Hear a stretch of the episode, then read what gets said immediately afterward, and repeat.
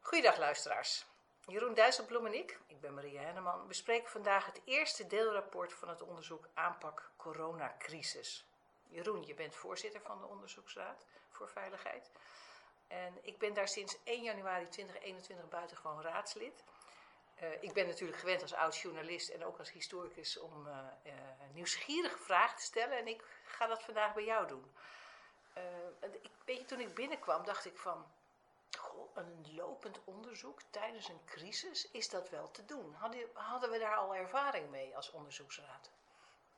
Nee, eigenlijk niet. Je zou kunnen zeggen dat het neerschieten van de MH17 natuurlijk ook daarna een hele lange nasleep van de berging van de slachtoffers en daarna van de wrakstukken, et cetera. En toen was het onderzoek eigenlijk ook al gaande. Maar zoals dit hebben we natuurlijk nog nooit meegemaakt. De coronacrisis is natuurlijk zo breed, langdurig. Raakt internationaal. Internationaal, raakt alle aspecten van het maatschappelijk leven inmiddels. Om dat te onderzoeken terwijl het zich nog afspeelt, was voor ons ook echt iets heel nieuws. En wilde iedereen wel meewerken tijdens, hè? want iedereen uh, moest ook alle hens aan dek doen. Um, nou, het medewerken is echt goed geweest, hoewel we echt wel realiseren dat het ook lastig is. Want je bent een crisis aan het bestrijden en ondertussen stelt de Tweede Kamer stelt voortdurend vragen, terecht. Stellen journalisten voortdurend vragen, terecht. Komt ook de onderzoeksraad nog langs. En wij hebben op basis van een eigen wet ook echt de bevoegdheid om gewoon te zeggen, ja, wij willen al die stukken hebben en inzien iedereen heeft meegewerkt. Ehm, en uh, ja, daar moet je ook wel echt wel respect voor hebben, want de hoeveelheid werk midden in een crisis is natuurlijk immens. Ja, nee, dat, dat snap ik dat dat immens is. Um, maar dan besluiten wij als raad dat onderzoek te doen. Dit keer was het eigen initiatief, hè? Ja, wij hadden al een team aan het werk gezet. Vrij snel na het begin van uh, de crisis in uh, begin maart, zeg maar. En toen uh, op een gegeven moment vanuit de Kamer de vraag kwam richting het kabinet: komt er eigenlijk een evaluatie? En wanneer komt die? En toen heeft het kabinet op een gegeven moment gezegd: Nou, wij gaan de Onderzoeksraad voor Veiligheid vragen om de kabinetsaanpak te evalueren. Dus hebben we dat zo in elkaar geschoven, want ik kon tegen het kabinet zeggen: We zijn al begonnen. Ja, maar dat mogen we. Hè? We mogen ongevraagd en gevraagd en in opdracht of niet in opdracht onderzoeken. Ja, nou in opdracht doen we het nooit. Uh, daar ben ik altijd heel streng in. Maar wij mogen wij krijgen heel vaak verzoeken van ministers, van het kabinet, van de Tweede Kamer. Maar het kan ook van een burgemeester zijn, het kan ook van burgers zijn. Maar de Raad mag gelukkig, omdat we onafhankelijk zijn, zelf beslissen of we het doen. We mogen ook zeggen, sorry, we doen het niet, om wat voor reden dan ook. Of we doen het wel, en dan bepalen wij ook zelf wat onze onderzoeksvragen zijn. En, niet onbelangrijk, hoe snel het klaar kan zijn. Want er wordt altijd veel druk op gezet. Het moet snel klaar. Geef ons een advies. Ja. Uh, en daarvan zeggen wij, we zijn klaar als we klaar zijn. We bepalen ook zelf wanneer we tevreden zijn. Dat is, dat, dat is niet omdat we arrogant zijn, maar om onze onafhankelijkheid te bewaken. Niemand ja, en ook om de kwaliteit. Hè. Dat heb ik nu wel geleerd in dat jaar. Alles wordt ongelooflijk zorgvuldig gewikt en gewogen. Ja, klopt. Ook om de kwaliteit zeker te stellen. Het is pas af als het af is. Ja. Maar nou uh, krijg je een onderzoek tijdens een lopende crisis. En er werd meteen al gezegd, we kunnen dat beter gaan opsplitsen in meerdere delen. Hoe baken je dan die periodes af? Wat vrij snel bleek was dat het onderzoeksteam, we werken altijd met onderzoeksteams die zich daar helemaal in graven in de materie. Het bleek al vrij snel dat het onderzoeksteam gewoon steeds werd ingehaald door nieuwe actuele ontwikkelingen. Dus je bent nog aan het bestuderen hoe ging eigenlijk die eerste weken en ondertussen gebeurt er van alles. Dus je moet ook met het onderzoeksteam te beschermen, zodat ze ook goed diepgravend al die ontwikkelingen kunnen bekijken, moet je gewoon zeggen: oké, deze periode gaan jullie doen. En dan hebben we gezegd, dan zetten we een tweede team op de periode, in dit geval na de zomer. Dus de eerste periode, zeg maar vanaf het eerste geval, het eerste voorkomen ja, van september 2020 in Nederland, hè? Tot september 2020. Daarover gaat dit eerste rapport. En hierna komt dus een tweede deel. Dat gaat over de periode daarna. Uh, en dan gaat het bijvoorbeeld vooral over uh, vaccinatie, mondkapjesplicht, de avondklok, de scholensluiting. Dus dan zoomen we wat meer in op een aantal van die ingrijpende maatregelen. En de belangrijke vaccinatiecampagne die in die tweede periode speelde. En, en er komt ook nog een derde, toch? Ja, inmiddels is ook een derde team gestart. We hopen natuurlijk, net zoals iedereen, dat het dan ook de laatste periode zal betreffen. Ehm, maar dat weten we nog niet. Ik zei net september, maar ik bedoel natuurlijk februari 2020 eh, dat we het eerste coronageval, eerste coronapatiënt in, uh, in Nederland hadden. Moet eigenlijk nog preciezer zijn. In dit eerste rapport gaan we ook terug in de tijd. Het is natuurlijk ook de vraag vaak gesteld: waren we eigenlijk wel voorbereid? En hoe waren we voorbereid? Ja, ja, nee, want dat, dat vond ik zo interessant. Want we worden geconfronteerd als Nederland in internationale crisis uh, met die pandemie. We weten zelfs al dat die eraan komt. Hoe pakt het kabinet het dan op? Um, nou, op het moment dat het in China al gaande is, eh, en later natuurlijk in Italië opduikt, is de verwachting eigenlijk, achteraf kun je dat wonderlijk vinden, dat het niet naar Europa zal komen. Ja, het RIVM, hè, die heel belangrijk is in onze infectiebestrijding, die zegt dan al, het zal wel meevallen. Ja, de kans dat het naar Europa komt is klein. De kans dat het besmettelijk is van mens tot mens uh, is klein. Of sommigen meenden te weten dat, dat die kans er niet was. En wat je dan eigenlijk ziet is dat in deze fase van de crisis waren natuurlijk ontzettend veel dingen gewoon niet bekend. Alleen de fout die je dan les voor de volgende keer niet moet maken, is als dingen nog heel onduidelijk zijn, om dan toch daar met grote stelligheid over te gaan communiceren. Misschien moet je juist dan ook naar het grote publiek kenbaar maken. Er is een kans dat het ook naar Nederland komt. We moeten dus allemaal heel voorzichtig zijn. Misschien ook met reisadviezen. Uh, en bereid u voor en wees eerder voorzichtig dan te ontspannen. En kwam dat nou omdat Nederland onvoldoende was voorbereid op een pandemiecrisis? Wij concluderen inderdaad dat Nederland onvoldoende was voorbereid echt op een pandemie. Een pandemie, een grote landelijke of zelfs internationale uh, infectieziekte-uitbraak. Er was wel geoefend in de jaren daarvoor, uh, maar, altijd regionaal. Okay. Een regionale uitbraak. En ook een beetje samen met dat dus het stelsel van infectieziektebestrijding in Nederland is ook heel erg regionaal ingericht. Je ziet het ook aan de GGD, hè? De GGD's zijn regionale instellingen. Je hebt de veiligheidsregio's, de burgemeesters die daar een belangrijke rol in spelen. Allemaal decentraal, regionaal georganiseerd. En dus daar vonden ook oefeningen plaats. Niet overal, maar er zijn oefeningen geweest. Belangrijk punt is natuurlijk dat bij een grote landelijke uitbraak staat ook in de wet op de publieke gezondheid is de minister, de minister van Volksgezondheid, ook verantwoordelijk voor de uh, bestrijding daarvan. Alleen hij heeft geen bevoegdheden, omdat die bevoegdheden zitten in de regio's. De minister had ook, uh, of het ministerie misschien ook beter gezegd, was ook niet betrokken geweest bij die oefeningen. Had zelf dus ook niet geoefend, wat is eigenlijk onze rol? Wat moeten wij dan gaan doen? En was er wel voldoende kennis dan op het departement om dit überhaupt te kunnen opschalen? Nou, naar ons oordeel niet. En dat komt eigenlijk ook omdat het was natuurlijk al heel lang niet gebeurd. Een, een zo grote uitbraak moet je echt 100 jaar terug in de tijd gaan. Er zijn kleinere uitbraken geweest. Er zijn ook grote uitbraken geweest, maar dat was in andere landen. In Afrika, in Azië. Grote virusuitbraken. Dus het stond ver van ons af. Dus er was geen echte ervaring en er was ook niet geoefend. En dan moet je onvermijdelijk heel veel gaan improviseren. Ja, want dat, dat, dat zien we echt hè, in het onderzoek. Dat alles wordt ook geïmproviseerd. Ja. Dat is op zichzelf natuurlijk niet erg. In, in de zin dat in elke grote crisis, je kunt nog zo'n dik draaiboek hebben, maar de volgende crisis zal net anders zijn. Um, en dan moet je dus improviseren. Je wil alleen wel dat er al zoveel mogelijk geoefend is, zodat je elkaar weet te vinden, zodat iedereen weet welke rol er, uh, is, zodat ook snel dan geïmproviseerd kan worden. En dat ook goed kan worden teruggekoppeld naar elkaar. Wat doen we deze keer anders? Waarom doen we het anders? Wie neemt nu welke beslissingen? En daar was in het begin veel onduidelijkheid over.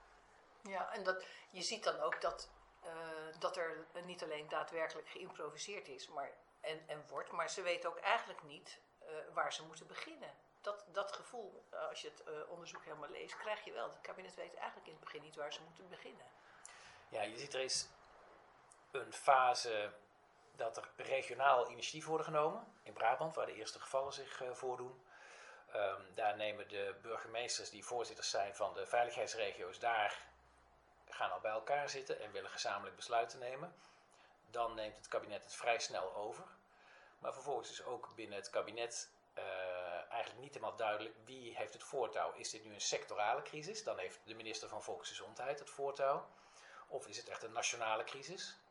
Dan is in principe de minister van Justitie en Veiligheid de voorzitter van het ministeriële comité, de ministeriële commissie. Tenzij de minister-president het overneemt. Dat is later natuurlijk, hebben we gezien, is dat gebeurd. Heeft de minister-president het overgenomen. Maar dat was in het begin ook voor mensen die het uitvoerende werk moesten doen. lang niet altijd duidelijk wie is nu eigenlijk, wie heeft de touwtjes in handen, even simpel gezegd.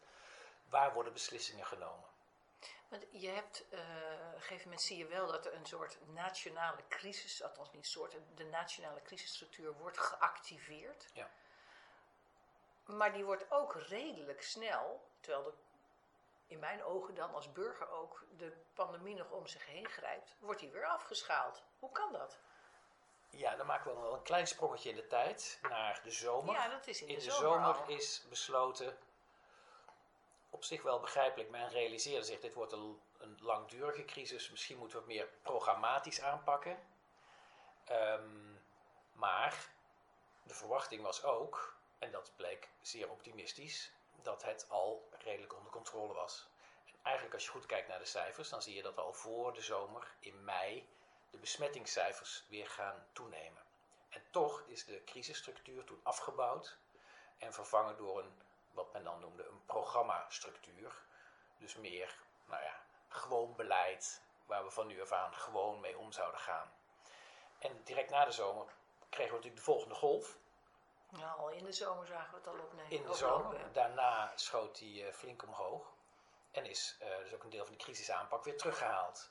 Een van de dingen die in de zomer daardoor gebeurde was dat het Veiligheidsberaad, dus alle voorzitters van de veiligheidsregio's, en die zijn heel belangrijk uh, om alle besluiten ook echt uit te voeren en natuurlijk uh, hand te, te, handhaven. Dat het Veiligheidsberaad echt in de zomer werd afgeschakeld. Want er was geen crisis meer. Ik zeg het nu kort door de bocht, maar in ieder geval de crisisstructuur was opgeheven. En de burgemeesters wilden, misschien kun je je nog herinneren, in de grote steden wilden de burgemeesters mondkapjesplicht gaan invoeren. Omdat zij Ja, zagen de besmettingen, ja. de besmettingen in de grote steden liepen heel snel op in die zomer. Maar de crisisstructuur was afgeschaald. En eh, ook het overleg met die burgemeesters in het Veiligheidsberaad was er even niet. Dus dat was echt te vroeg afgeschaald. Niet geborgd dat er nog steeds samenwerking met het Veiligheidsberaad nodig was. En na de zomer moest dat allemaal weer worden teruggezet. Als je gaat kijken, nog even terug weer in de tijd voor de zomer. ehm, dan valt mij op dat het kabinet het echt als een gezondheidscrisis ziet. Was dat logisch? Dat was in eerste aanleg logisch. Het was een infectieziekte-uitbraak. Ehm, en het was logisch dat in eerste instantie het ook echt als een eh, zeg maar sectorale crisis werd benaderd en alle structuren van VWS eh, aan de slag gingen. Maar later werd het al een landelijke crisis eh, en ging de landelijke crisisstructuur werken. En eigenlijk moet dan ook gelden dat het echt kabinetsbrede beslissingen en een kabinetsbrede verantwoordelijkheid wordt. Dus dan verwacht je ook dat er een sterkere betrokkenheid is van andere departementen, andere ministers. Dat maar wij gebeurt- concluderen dat dat niet zo is. Nee, het blijft echt een infectieziektebestrijding met een heel sterk accent daarop en alle andere maatschappelijke aspecten die steeds duidelijker werden. Problemen op welzijn, problemen in de scholen, problemen in bedrijven, etc. Ehm, eh, kregen niet die aandacht die steeds meer werd gevraagd. Ik maak er één uitzondering bij, dat was natuurlijk wel, dat hebben wij in ons onderzoek niet onderzocht, hebben we van begin af aan ook gezegd dat we dat niet zouden doen. Er is natuurlijk wel economische steun vrij snel gekomen voor het bedrijfsleven. Maar alle sociale aspecten, welzijnsaspecten, eenzaamheid, mentale problematiek, etc. Al die andere ehm, problemen die ontstonden, hebben weinig aandacht gehad. Zeker in die eerste tijd. Dat kwam omdat het werd gezien als infectieziektebestrijding. Ja. En het werd nog sterker versmalt, ook binnen de zorg, was alles erop gericht om de ziekenhuizen te ontlasten. Ja, ja, daar komen we zo nog even op. Want die, die verenging, hè, heeft dat ook te maken dat het kabinet eh, koos om een, hè, dat heet dan het OMT, het Outbreak Management Team, om dat als enige, ik zeg maar even voor het gemak, informant te zien voor hun, eh, welke keuzes ze moesten maken. Ja. ja, nogmaals, in eerste instantie is dat heel begrijpelijk als zo'n ziekte uitbreekt. Maar al vrij snel werd duidelijk dat de implicaties maatschappelijk veel breder werden. Ehm, en dan uiteindelijk, en pas na flinke druk vanuit de Tweede Kamer, is het kabinet zich ook breder gaan laten adviseren. Dus dat was echt, langzaam is dat gebeurd. Die relatie met OMT verdient nog wel wat extra aandacht. Het kabinet heeft expliciet gezegd, wij volgen de wetenschap, wij volgen het OMT. En daar zijn wij eigenlijk heel kritisch op, want het OMT moet je gewoon accepteren en zien en respecteren voor wat het is. Het is naar de beste stand van de wetenschappelijke inzichten. Adviseren zij SEC op infectieziektebestrijding. Maar daarna zijn natuurlijk nog wel afwegingen te maken. Afwegingen van, uh, ja, maar er zijn ook gewoon ondertussen hele kwetsbare groepen in de samenleving. En hoe geven we die aandacht aan zorg? Uh, afwegingen met andere belangen. Ja, maar we willen ook niet dat er onderwijsachterstanden uh, ontstaan. Of we willen juist leraren beschermen.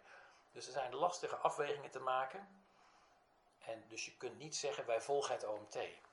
Je moet, uh, daar doen we ook echt een aanbeveling over. Ga nou steeds uit elkaar. Het OMT is echt, dat zijn de deskundigen op het gebied van de bestrijden van infectieziekten. En laat ze daar ook. Daarna moet uh, het kabinet de bredere maatschappelijke afweging maken. En die ook verdedigen natuurlijk. Naar de Kamer, maar vooral naar de samenleving. Heeft het ook te maken dat het... Uh zo kijk ik ernaar en dat vind ik, daar, daar zitten ook heel veel aanknopingspunten in, uh, in ons onderzoek. Dat vooral steeds gekeken wordt naar de korte termijn.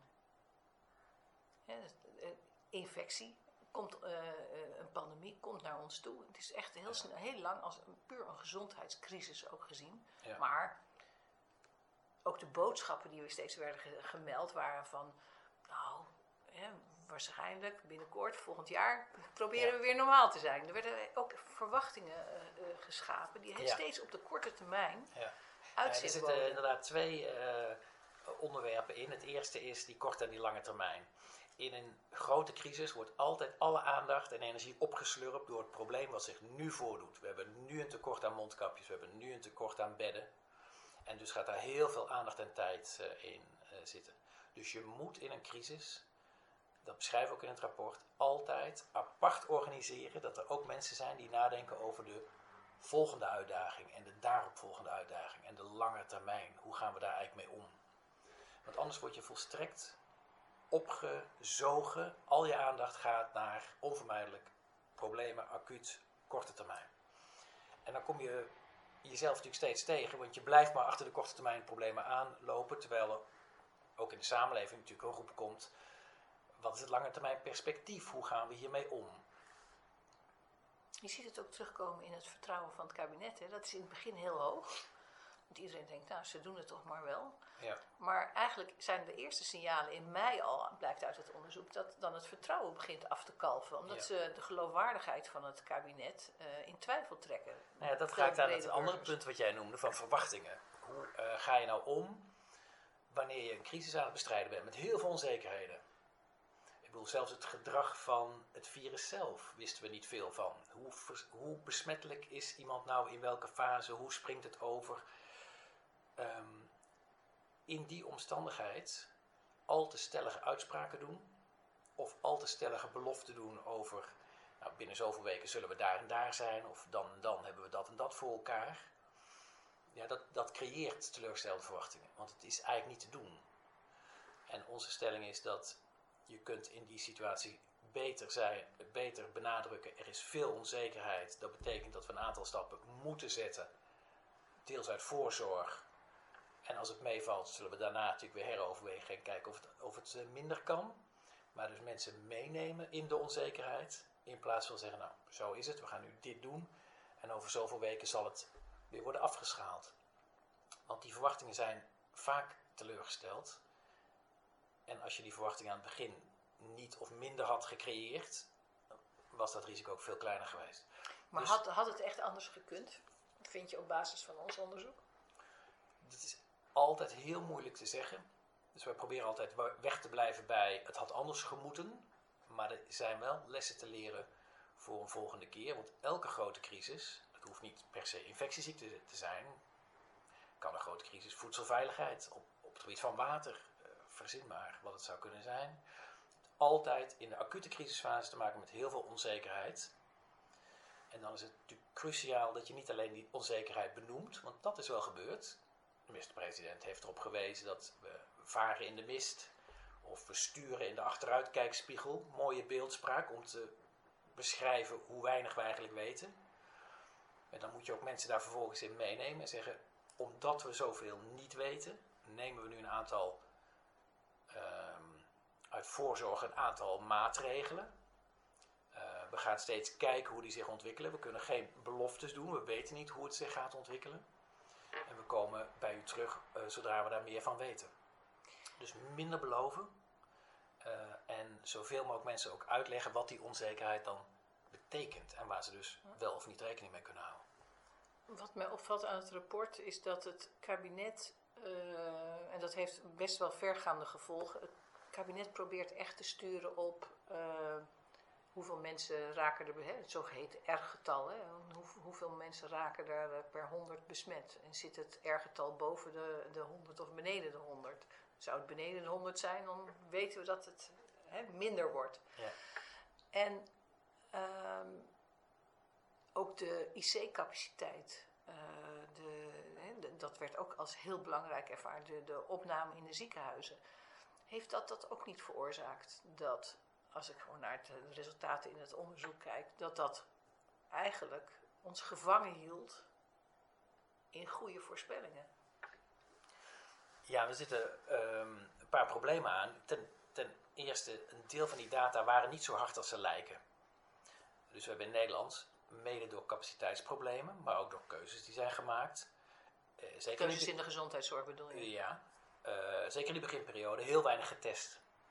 En dat betekent dat de data die je hebt van hoe gaat het eigenlijk met de, besmet, met de besmettingen en waar zitten ze en hoe snel gaat het, die data zijn eigenlijk gewoon beperkt. Uh, als we meer hadden kunnen testen, wij denken dat er meer getest had kunnen worden, maar goed, er was zeker een capaciteitsprobleem. Maar als we meer hadden kunnen testen, hadden we beter zicht gehad op de verspreiding. Een mooi voorbeeld daarvan is het uh, ziekenhuis in Breda. Maar op een gegeven moment de directeur gewoon heeft gezegd: we gaan nu al onze medewerkers in het ziekenhuis in één keer testen. Om eens te kijken hoe ver de infectie al verspreid is. Nou, dat bleek dus heel ver. Ik zeg nu uit mijn hoofd 10% van, van alle medewerkers was op dat moment positief. Uh, voor een belangrijk deel dus aan het werk positief. Met andere woorden, als je veel breder test, weet je veel meer. En dat is steeds beperkt geweest. Dus we wisten ook niet zoveel. En dat maakt ook dat we ten dele achter de feiten aanliepen. Want als je alleen het getal pakt van IC-bezetting, ja, dan loop je eigenlijk achter de golf aan. Die IC-besmetting is pas hoog weken nadat de besmettingen al lang hun piek hebben bereikt. Ja, er zit meestal twee, drie weken tussen. Er zit een grote vertraging tussen. Dus de data waren beperkt. De data die dan werden gehanteerd hadden een grote vertraging in zich. En het derde punt is, er zijn ook data die zijn niet hard en die worden altijd onderschat. Dus je bent op zoek naar data, naar informatie, zodat je kunt sturen. En dan pak je de informatie die zo hard mogelijk is of lijkt. Maar er zijn ook zachte informatie die heel belangrijk is. Bijvoorbeeld vanuit de verpleeghuizen, waar we ook veel aandacht aan hebben gegeven. In de verpleeghuizen werd vrijwel niet getest. In de verpleeghuizen werd ook niet volledig bijgehouden wie overleed aan corona. Dus het zicht op wat er gebeurde in de verpleeghuizen was heel slecht. Maar er waren ja, er zit een heel volop signalen dat het daar niet goed ging. Ja, er zijn, uh, het is een heel uitgebreid hoofdstuk geworden over de, de verpleeghuizen. En een van de conclusies uh, die we als OVV trekken is dat door de organisatie van de zorg met heel veel nadruk op de cure, hè, dus uh, de, de, de ziekenhuizen zelf, eigenlijk de verpleeghuizen niet in het zicht waren van degene die die crisis moesten organiseren, althans moesten bestrijden. Ja. Hoe komt het, terwijl die sector heeft toch ook zijn vertegenwoordigers, konden die niet, hadden die geen toegang tot het kabinet? Nou, we hebben vrij precies nagegaan wie zat nou waar aan tafel. En dan zie je inderdaad dat de verpleeghuissector minder sterk vertegenwoordigd was. Zowel in de belangrijkste overleggen in Den Haag, maar ook in de media.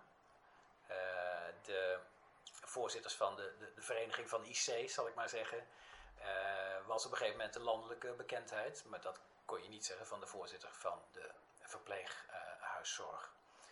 Dus dat, dat zegt Nee, ook toen iets. daar dat- pas heel veel doden, toen, toen dat bekend werd, toen werden ze opeens wel uitgenodigd toen heel veel doden waren gevallen. Ja, maar dat was echt later. Dus het heeft echt lang geduurd voordat deze sector ehm, eh, vol aan tafel kwam. En die problematiek ook vol aan bod kwam. Dat betekent ook dat in de verdeling van de schaarse beschermingsmiddelen, wat natuurlijk een groot thema was in de eerste maanden, ja, ehm, de ziekenhuizen kleding. eh, vol de prioriteit kregen. Met alle begrip, die- die hulpmiddelen waren daar ook zeker nodig. Maar de problematiek in de verpleeghuizen was net zo acuut. Daar werkten ook, nou er werken meer mensen in Nederland in de care dan in de cure. Dus die mensen moesten allemaal zonder beschermingsmiddelen aan de slag om gewoon dagelijks zeer nauw fysiek contact eh, zorg te leveren aan ouderen in verpleeghuizen. En die ouderen zelf waren dus ook niet beschermd. Ja, dus eigenlijk was de conclusie, of is de conclusie van ons rapport, dat de acute zorg eh, relatief veel aandacht heeft gekregen ten koste van juist de kwetsbare groepen die in de care Ja. En dat zijn natuurlijk hele moeilijke afwegingen. Dus Ja. je wil niet in die afweging komen, maar als je schaarste hebt aan hulpmiddelen, dan moeten die afwegingen plaatsvinden. Onze vaststelling is dat ehm, de afweging eigenlijk heel snel naar de IC's, naar de ziekenhuizen ging. Die moesten prioriteit krijgen en niet de bescherming van de kwetsbaren in de verpleeghuizen. En als je dan uitzoomt en je vraagt je af, wat was nou eigenlijk het allerbelangrijkste voor het kabinet? Men had een strategie bestaande uit drie delen. Zicht op de crisis, eh, zicht op de verspreiding van, de, van het virus. Nou, dan heb je het bijvoorbeeld over testen, waar, wat, dat gebeurde wat- onvoldoende. wat slecht eh, verliep. In de tweede plaats eh, beschermen van kwetsbaren. Nou, een evidente groep van kwetsbaren waren de ouderen in de verpleeghuizen. Zijn ze nog steeds. En drie, eh, het ontlasten van ziekenhuizen. En wij concluderen eigenlijk, als je kijkt hoe de afwegingen dan plaatsvonden, dat dat laatste absoluut dominant is geweest. Ja, en eigenlijk nog steeds, hè? Maar daar- dat- dat gaan we nog Dat onderzoeken. gaan we nog onderzoeken, ja. Dat gaan we nog onderzoeken. Het lijkt er wel op in ieder geval. Even nog naar, die hoofd, naar al die hoofdrolspelers. Hè? Ehm, er werd behoorlijk geïmproviseerd. En dat werd toch ook goed georganiseerd. eh, Geïmproviseerd en georganiseerd. Bijvoorbeeld dat landelijk capaciteitsorgaan. Dat werd toch maar even snel uit de grond gestampt. ja. Er zijn toch ook wel goede dingen gebeurd. Er is heel veel, nou, er is sowieso ongelooflijk hard gewerkt. Ehm, en onder geweldige druk. Wij hebben natuurlijk heel veel mensen gesproken. Ehm, overal in de zorg. eh, en natuurlijk ook in Den Haag. Maar ook heel veel mensen in de zorg. In verpleeghuizen, in ziekenhuizen. En ja, het is ongelooflijk het werk wat daar is verzet. En soms ook echt in hele vervelende omstandigheden. Ehm, nou goed, daar kun je ook eh, nog een rapport over schrijven. Dus dat is al het allerbelangrijkste. In de tweede plaats, heel veel dingen waren gewoon niet voorzien, waren niet ingericht, was nog nooit gebeurd. Zoals ik al zei, we hebben een heel decentraal stelsel, allemaal gericht op de regio. En de ziekenhuizen waren ook heel decentraal, dus die waren allemaal heel autonoom. Ieder ziekenhuis voor zich, eh, let op zijn eigen patiënten en zijn eigen belangen en zijn eigen gebied. Ja, want je zag op een gegeven moment, dat wordt ook weer mooi in het rapport beschreven, er werd gewoon echt geleurd met patiënten. Waar Ja. moet iemand heen? Ja. Is natuurlijk toch wel triest in een goed georganiseerd land als Nederland. Ja, en dan zie je eigenlijk dat het. Wij hebben een decentraal eh, zorgstelsel en dat heeft vele voordelen. Want in zo'n regio is dan de samenwerking loopt vaak heel goed. Die hebben geen last van Den Haag om gewoon hun samenwerking daar goed in te richten, et cetera. Dus het heeft ook echt voordelen. En onze zorg is ten tweede heel efficiënt. Dat blijkt ook uit alle internationale vergelijkingen. Onze zorg is eigenlijk fantastisch. Als je het afzet tegen zeg maar, de budgetten die daarin gaan, wordt geweldige zorg geleverd in Nederland. Maar die twee kanten hebben allebei een schaduw als je in een crisis terechtkomt. Het eerste is natuurlijk, wij zijn zo efficiënt dat we niet veel buffers hebben in capaciteit, in mensen, dus ook weinig flexibiliteit, want we werken allemaal strak geregeld. Processen, in het ziekenhuis en twee dagen later er weer uit. Exact. Ja. Dus alles is erop ingesteld om het zo lean en mean mogelijk te doen, om het maar in slecht Nederlands te zeggen. In een crisis wil je buffers hebben, wil je flexibel met mensen kunnen schuiven, wil je extra IC-capaciteit hebben. Dat is er allemaal niet in Nederland. En dat moeten we dus opnieuw overdenken. Dat hebben wij niet uitgewerkt of ingevuld. Maar in elke crisis blijkt weer hoe kwetsbaar. Ik trek de vergelijking vaak met de financiële crisis. Waarom waren we zo kwetsbaar? Er waren helemaal geen buffers. Niet bij de banken, niet bij de overheid, niet bij de burgers. We konden geen kant op. In de zorg is het vergelijkbaar. Ehm, En dat decentrale heeft ook nog als nadeel dat zodra er landelijk echt gecoördineerd moet worden, zodra er tegenstellingen zijn tussen, en misschien zelfs belangenconflicten tussen ziekenhuizen, moet iemand zeggen, sorry jongens, maar we gaan het nu even samen doen. En daar is heel goed op geïmproviseerd. Dat, dat was er dus niet, want we waren decentraal. Er is een landelijke patiëntenspreiding gekomen, landelijke inkoop voor uh, medische beschermingsmiddelen en uh, landelijk initiatief om de testcapaciteit te vergroten. Prima. Uh, ons advies zou ook zijn, zorg dat de dingen die echt een, een, een, nieuwe innovatie zijn, die een meerwaarde heeft, dat je die ook behoudt. In een crisis gebeuren soms dingen die je eigenlijk wil behouden voor de toekomst. En dit zijn daar voorbeelden van. Wat ik even, daar hebben we lang ook uh, over gesproken. Even, maar dat vind ik toch wel een goede aanbeveling. Ook dat je uh, dat leren improviseren, dat je dat eigenlijk onderdeel moet laten zijn van een crisisorganisatie. Maar ja. valt het wel te leren? Ja, het is best lastig. Maar je moet, um, als je oefent op uh, crisis, moet je niet vaste protocollen en afspraken. Jij belt die en dan zet jij een stap van links naar rechts. Dat is, eigenlijk gaat dat nooit werken. Dat type draaiboek kan op uur 1 van de crisis al in de vuilnisbak. Omdat het niet werkt. De crisis is toch altijd weer anders dan gedacht. Heel belangrijk is dat je elkaar wel weet te vinden. En dat is ook een belangrijke meerwaarde van oefenen. Dat je elkaar kent en weet te vinden.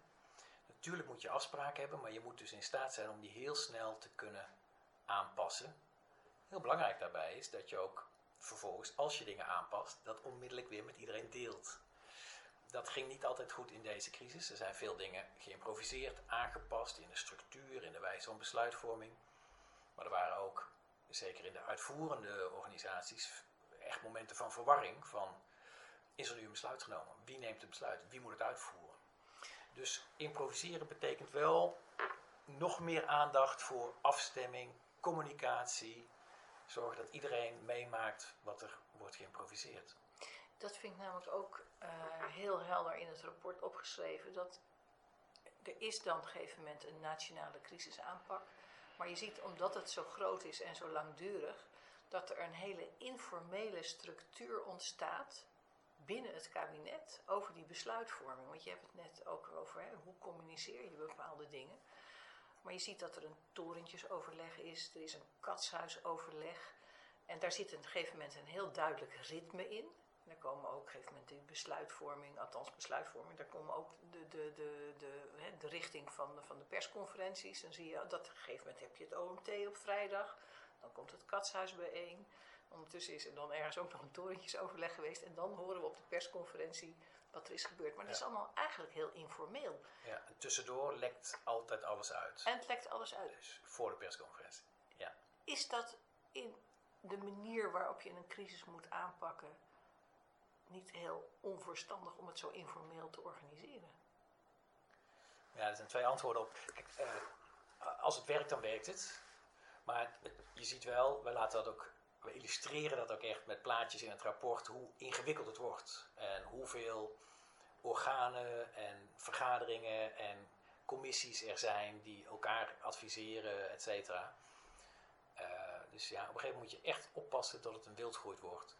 De oplossing die is gekozen is, nou dan tillen we een klein groepje mensen eruit en die gaan in het katshuis bij elkaar zitten om daar in rust alsnog beslissingen te nemen. Maar daarmee is de aansluiting op de, al die adviserende clubs van ambtenaren, uitvoerende diensten, mensen uit de zorg, uh, is echt, uh, loopt uh, gevaar. Want die weten soms niet waar is nu de beslissing genomen. Is die al genomen? Door wie? et cetera. Dus je moet heel erg oppassen dat het eerst steeds ingewikkelder wordt. Met allerlei overlegorganen en adviescommissies, et cetera. En dat je dan een buitenommetje creëert om toch nog een besluit te nemen. Kijk, dat je iets creëert om toch nog een besluit te nemen, dat begrijpen wij heel goed. Maar eigenlijk moet je dan zeggen, zullen we gewoon de crisisorganisatie tussentijds tegen het licht houden. En misschien ook gewoon weer versimpelen. En dan kan het besluit weer worden genomen in de ministeriële commissie, die daarvoor gewoon bij een landelijke crisis is voorzien. Ja, maar de OVV zegt ook heel duidelijk in het rapport iets over dus de legitimiteit uh, van, uh, van de besluitvorming. Ja, dat heeft twee kanten. Het eerste is natuurlijk in een landelijke crisis, dat zie je ook heel duidelijk in deze crisis, moeten bredere aspecten dan die sectorale infectieziekteproblematiek worden bekeken. En dus moeten ook andere ministers daarbij betrokken zijn. In de ministeriële commissie zitten meerdere belangen, meerdere ministers uh, aan tafel. Het tweede is natuurlijk ook de verantwoording naar het parlement toe. Dus daar is, kijk, wij hebben in ons onderzoek niet heel erg ingezoomd op de rol van het parlement. Het parlement heeft ook besloten, wij gaan zelf een enquête doen, dus dat, dat komt zeker nog. Maar het parlement heeft zelf ook wel gezegd, waar zitten wij eigenlijk in de besluitvorming? Um, uh, en hoe worden wij eigenlijk geïnformeerd? Het was altijd, het lekte uit voor de persconferentie, dan de persconferentie, dus dan kreeg de media alles te horen. En daarna Daar was de Tweede Kamer. Dus daar zat ook wel een kwetsbaarheid in. Een van de dingen die, uh, daar is ook een speciaal hoofdstuk aan gewijd, is de, is de communicatie uh, die uh, gepleegd is door het, door het kabinet. Ehm, daar is de OVV behoorlijk kritisch op. Wat, wat ontbreekt daar dan in, in onze ogen? Nou, in de acute crisisfase is het onvermijdelijk dat je vrij top-down communiceert. Mensen, we gaan nu dit doen, u moet allemaal uw handen wassen, afstand houden, als het even kan thuis blijven, helder, simpel, etc. Maar ja, het is natuurlijk voorspelbaar dat dat naarmate het langer duurt, of steeds meer uitleg en motivatie vraagt, uh, of gewoon niet meer zo werkt. Dus dan zul je ook mensen moeten, intrinsiek moeten motiveren om zelf een verantwoordelijkheid uh, te nemen. En eigenlijk is men lang uh, top-down blijven communiceren. Maar er was dat toch ook wel oog bijvoorbeeld voor, voor laaggeletterden en dergelijke? Ja, wij zijn daar wel kritisch over. Hoor. Denken dat uh, veel groepen, zeker ook laaggeletterden, eigenlijk slecht bereikt zijn. En je ziet ook, um, maar goed, dat, dat, we komen daar nog op terug in, uh, als we gaan inzoomen op het vaccinatieprogramma. De mate waarin verschillende groepen zijn bereikt. En dan heb ik het nog niet eens over de mensen die echt heel kritisch zijn over het beleid en niet mee willen doen. Maar mensen die gewoon niet worden bereikt, is een terugkerend probleem in, het, in de loop van deze crisis. Maar de, de, de intentie van, uh, van de crisiscommunicatie van de overheid was verbinden. Uh, die komt dus niet voldoende tot uitdrukking, vind je?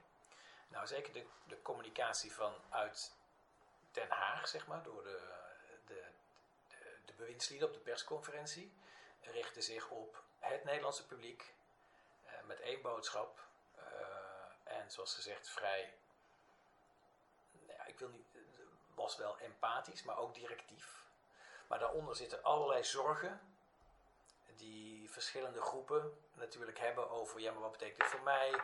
Wat zijn de risico's? Wat zijn de aspecten? En al die risico's en vragen, daar is toch wel veel aan voorbij gegaan. Het was vrij uniforme communicatie. Um, en ons advies is dus ook, zorg steeds dat je tijdig op de hoogte bent van verschillende typen zorgen die zich gewoon in de samenleving ontwikkelen en opbouwen. Zeker als zo'n crisis langer duurt, dan gaat uh, directieve top-down communicatie steeds minder werken. Ja, en, en uh, wat we ook signaleren is dat de verwachtingen uh, niet heel helder worden gecommuniceerd op lange termijn. En dat ontbreekt ook in, in de crisiscommunicatie op dat moment. Ja. Ook hier is natuurlijk de verzachtende omstandigheid het kabinet wist ook niet hoe lang het zou gaan duren. Het kabinet wist ook niet hoeveel golven van besmettingen uh, we nog zouden uh, krijgen. Uh, tegelijkertijd, juist als je dingen niet weet, als het met grote on onzekerheid is omgeven, moet je het publiek daar ook op voorbereiden. En dus ook niet heel erg wegblijven van beloftes en doen alsof er mechanische afwegingen plaatsvinden als dit, dan dat als het echt al daar is, dan zullen we dat doen. Want het is vaak veel uh, complexer dan dat. En het, het, valt ook vaak tegen, hebben we gezien. Het uh, is mij opgevallen dat er heel uitgebreid hoor en wederhoor wordt gedaan door de Onderzoeksraad voor Veiligheid als zo'n onderzoek helemaal in concept klaar is. Ja. Echt, iedere zin uh, wordt gewikt en gewogen. Ja. Maar dat... het, viel mij ook op dat een aantal van de actoren in dit gaan, bijvoorbeeld VWS, niet zo blij waren uh, met wat er was opgeschreven. Nee, dat, dat kan. Uh, ten eerste, het klopt. We hebben altijd hoor en wederhoor. Dat, dat kost ook veel tijd. Mensen vragen wel eens waarom duren jullie onderzoeken zo lang? Nou, een van de aspecten is dat wij nog maanden nodig hebben om de rapporten echt aan alle betrokkenen te laten lezen, hun de kans te geven te reageren en dat vervolgens weer te verwerken. Hebben we hier ook gedaan. Wij laten altijd achter in onze rapporten heel precies zien wat het commentaar was en hoe we ermee omgaan, zodat mensen dat ook kunnen nagaan. Van, uh, is het rapport nou onder druk van een ministerie veranderd? Het antwoord is nee. Maar als er feitelijke onjuistheden staan, zoals wij zeggen, er is niet gesproken over, en men kan aantonen, er is wel gesproken over, dan passen we dat absoluut aan. Uh, dus zo hebben we ook de kritiek, die overigens niet heel uitzonderlijk is, uh, maar ook de kritiek uh, van VWS die jij noemt, gewoon punt voor punt uit elkaar getrokken en bekeken. Is dit nou feitelijke kritiek en is het dan waar of niet waar? Het is voor hoofdrolspelers natuurlijk nooit leuk om in de spiegel te moeten kijken door wat wij hebben opgeschreven. Nee, maar goed, weet je, je moet durven leren van zo'n crisis. Um, en mensen zeggen wel eens tegen mij, is het niet veel wijsheid achteraf? En dan zeg ik, ja, dat, dat is waar, dat is een beetje onze rol. Wij zijn de wijze achteraf. Maar ook dat is wijsheid. En die wijsheid moet je vastleggen. Je moet hem aanwijzen en zeggen, dit moeten we behouden, want dat weten we nu. En laten we dan kijken of we dat de volgende keer anders en beter kunnen doen. Ja, want je doet het op basis van de feiten die uh, onderzocht zijn, die aanbevelingen. Ja, we beginnen het rapport met een hele uitgebreide reconstructie van hoe is het gewoon gegaan. En dat is alleen al, daar kun je, je mag erover twisten en dan gaan we kijken of de alternatieve feiten juist zijn. Dat kan, dan passen we het aan. Maar daarna gaan we natuurlijk proberen te analyseren waarom is het zo gebeurd. Dus onze volgorde is altijd wat is nou precies gebeurd. Daarna gaan we proberen te begrijpen waarom is dat dan zo gegaan. Waarom zijn afwegingen gemaakt, waarom is deze maatregel genomen. En dan zeggen we, had dat nou, al dan niet met wijsheid achteraf, want het is ten dele ook wijsheid van toen, had dat nou ook anders gekund. En had het ook beter gekund. Want als ik ga kijken naar de aanbevelingen tot slot, dan is een van de dingen die, uh, die we als OVV uh, voorstellen, is kijk beter hoe je de crisisorganisatie organiseert vooraf. Daar moeten echt aanpassingen komen, vinden we. Ja, een van de dingen specifiek op uh, infectieziektebestrijding, of eigenlijk nog breder uh, volksgezondheidscrisis. In de wet staat, de minister heeft wel verantwoordelijkheid, maar als je goed gaat kijken, heeft hij heel weinig bevoegdheden. Dus dat moet je gewoon echt aanpassen. Nu zijn er improviserend goede dingen ontstaan en iedereen heeft daaraan meegewerkt. Um, maar eigenlijk is het heel gek dat de minister moet vragen aan partijen in de zorg, moet vragen aan de voorzitters van de veiligheidsregio's of zij willen meewerken aan het uitvoeren van allerlei maatregelen. En dat is hoe het nu is gegaan. Dus daar zal je echt iets moeten aanpassen. Ja, de nationale crisisstructuur moet aangepast worden. Dat is eigenlijk de, een hele belangrijke les. Ja, ja absoluut. Uh, er is veel tijd verloren gegaan aan het zoeken van oplossingen voor immense problemen die meteen op tafel uh, lagen. Uh, bijvoorbeeld die medische hulpmiddelen, gebrek aan testcapaciteit, tekort aan bedden. Het is allemaal opgelost uiteindelijk. Niet helemaal, zou je kunnen zeggen. Maar laten we zeggen, het is geleidelijk aan opgelost. Um, maar dat heeft tijd gekost. En uh, centrale sturing, een decentraal stelsel heeft absoluut voordelen. Uh, maar in een crisis heb je ook centrale sturing nodig. En ja, we hadden het net al eerder in het gesprek over dat improviseren. Het viel mij ook op dat we op basis van wat we hadden gezien hebben gezegd. en ik citeer nu even ons rapport. Blijf tijdens een crisis uiteenlopende scenario's in kaart brengen. Ook minder waarschijnlijke met veel impact en anticipeer daarop. Zeg maar het meest enge en meest slechte scenario moet je ook meenemen in je besluitvorming. Ja. Kijk, dus um, er waren ook voor deze uitbraak uh, wel scenario's van een pandemie. En er is ook vaak voor gewaarschuwd. Ook door landelijke, zeg maar de nationale coördinator uh, terrorismebestrijding heeft ook daar een verantwoordelijkheid in. Heeft ook voor gewaarschuwd. Virologen hebben ervoor gewaarschuwd. Maar waarschuwingen is dus niet genoeg. Je zult echt scenario's moeten uitwerken, uitdenken. Wat betekent dat dan? En welke knelpunten komen we tegen? En hoe kunnen we daar nu of straks mee omgaan? Uh, dus dat is in de voorbereiding. Is het niet genoeg om te waarschuwen en te zeggen iets kan gebeuren. Je zult ook echt mensen aan het werk moeten zetten uh, om te doordenken en uh, zoveel mogelijk flexibiliteit al in te bouwen, zodat we ook erop kunnen reageren. Het tweede is tijdens een crisis. Er zit heel veel onzekerheid in, in elke crisis. En wat je ziet gebeuren is dat tussen zeg maar, de mensen die bezig zijn om de kennis te verzamelen, de mensen die de adviezen opstellen, de mensen die het beleid vervolgens uitdenken en de besluitvorming, wordt heel veel onzekerheid eruit gefilterd. En tegen de tijd dat er een besluit is en dat wordt gecommuniceerd, is het, nou we staan nu hier, we gaan nu dat doen en over twee weken zullen we daar zijn.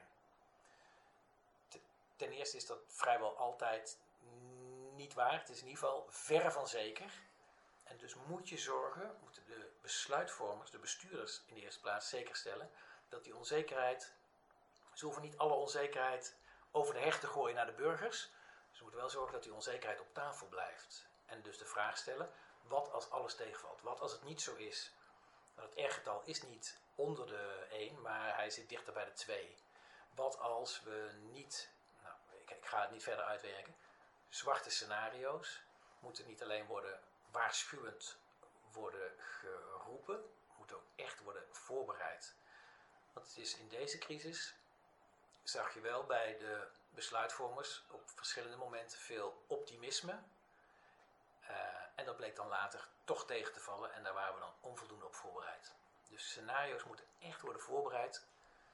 En dat heeft te maken met het punt dat we eerder benoemden, korte termijn en lange termijn. Je bent zo druk met de problemen van nu op te lossen. Je moet ook apart mensen aan het werk zetten om vooruit te denken van waar kunnen we over een week zijn? Waar kunnen we over een maand zijn? En zijn we daar ook op voorbereid? Naast aanbevelingen dus over dat voorbereiden van een pandemie en over die nationale crisisstructuur. Uh, tot slot uh, zeggen we ook iets over het maatschappelijk draagvlak. Dat daar veel beter rekening mee moet worden gehouden. Niet alleen in de communicatie, maar wat, kan je dat pakken, het maatschappelijk draagvlak? Kan je daar, kan je daar iets mee tijdens een crisis? Kan je daarop anticiperen? Ja, het is heel lastig. Dit is niet een, eh, een gouden sleuteltje wat we even ergens in een slotje kunnen steken. Maar je moet wel je realiseren dat als een crisis zo lang duurt, en nogmaals, dit hebben we natuurlijk, een crisis van, van deze lengte hebben we ook. Dat kent niemand in Nederland. Dat hebben we gewoon nooit eerder gekend dat het draagvlak toch vrij snel, viel ons op, achteruit gaat. Dus de eerste maanden is er een hele sterke steun voor het kabinet en het kabinetsbeleid. Is ook iedereen bereid om gewoon te luisteren naar zeg maar, de directieve communicatie. Uh, en werkt dat ook goed. Maar al vrij snel valt het dan tegen. Dus dan zie je dat verwachtingen worden geschaad. Of dat beloftes niet worden nagekomen. Of dat mensen het uh, op een gegeven moment er om wat voor reden dan ook niet meer aan kunnen voldoen of persoonlijke omstandigheden tot hele schrijnende situaties uh, leiden. Denk aan de verpleeghuizen. En het draagvlak kalft toch snel af. Dat betekent dat je nog meer aandacht zult moeten besteden aan, in ieder geval voorkom verkeerde verwachtingen en beloftes. Zorg, neem je burgers ook mee in de onzekerheid. Dus het is niet, ja, niet voldoende om het te benoemen, maar leg ook uit wat dat zou kunnen betekenen. En dat we dus ook ons moeten voorbereiden op misschien zelfs nog verdergaande maatregelen en niet al gaan praten over dat we over een paar weken zullen verlichten. Want dat, het, het dubbeltje, dat hebben we gewoon gezien, kan twee kanten opvallen. Uh, en in de crisis is die vaak ook de verkeerde kant opgevallen en moesten maatregelen weer worden verlengd of zelfs nog worden aangescherpt. Nou, de OVV beveelt zelfs aan om uh, in gesprek stelselmatig te gaan met burgers om dat draagvlak vast te houden. Maar dat kan een overheid nog niet, niet doen. Dat moet je toch aan burgemeesters en, en, en, der, en anderen overlaten. Ja, maar de burgemeesters hebben ook echt een. Uh, en dan vooral natuurlijk de voorzitters van, uh, van de veiligheidsregels hebben een enorm belangrijke rol uh, gespeeld in de crisis en nog steeds. Um, ook die rol. dus dat, dat zie je ook in verschillende fases en in toenemende mate. Dat zij de rol pakken om te luisteren naar hoe, wat is nog het draagvlak, waar zit de rek, waar loopt de spanning op, et cetera. Uh, en die rol van uh, het veiligheidsberaad dus heel nauw aangesloten houden op alle beslissingen. Heel goed luisteren voordat je een besluit neemt in Den Haag over wat betekent dit eigenlijk voor de uitvoering, lokaal, decentraal.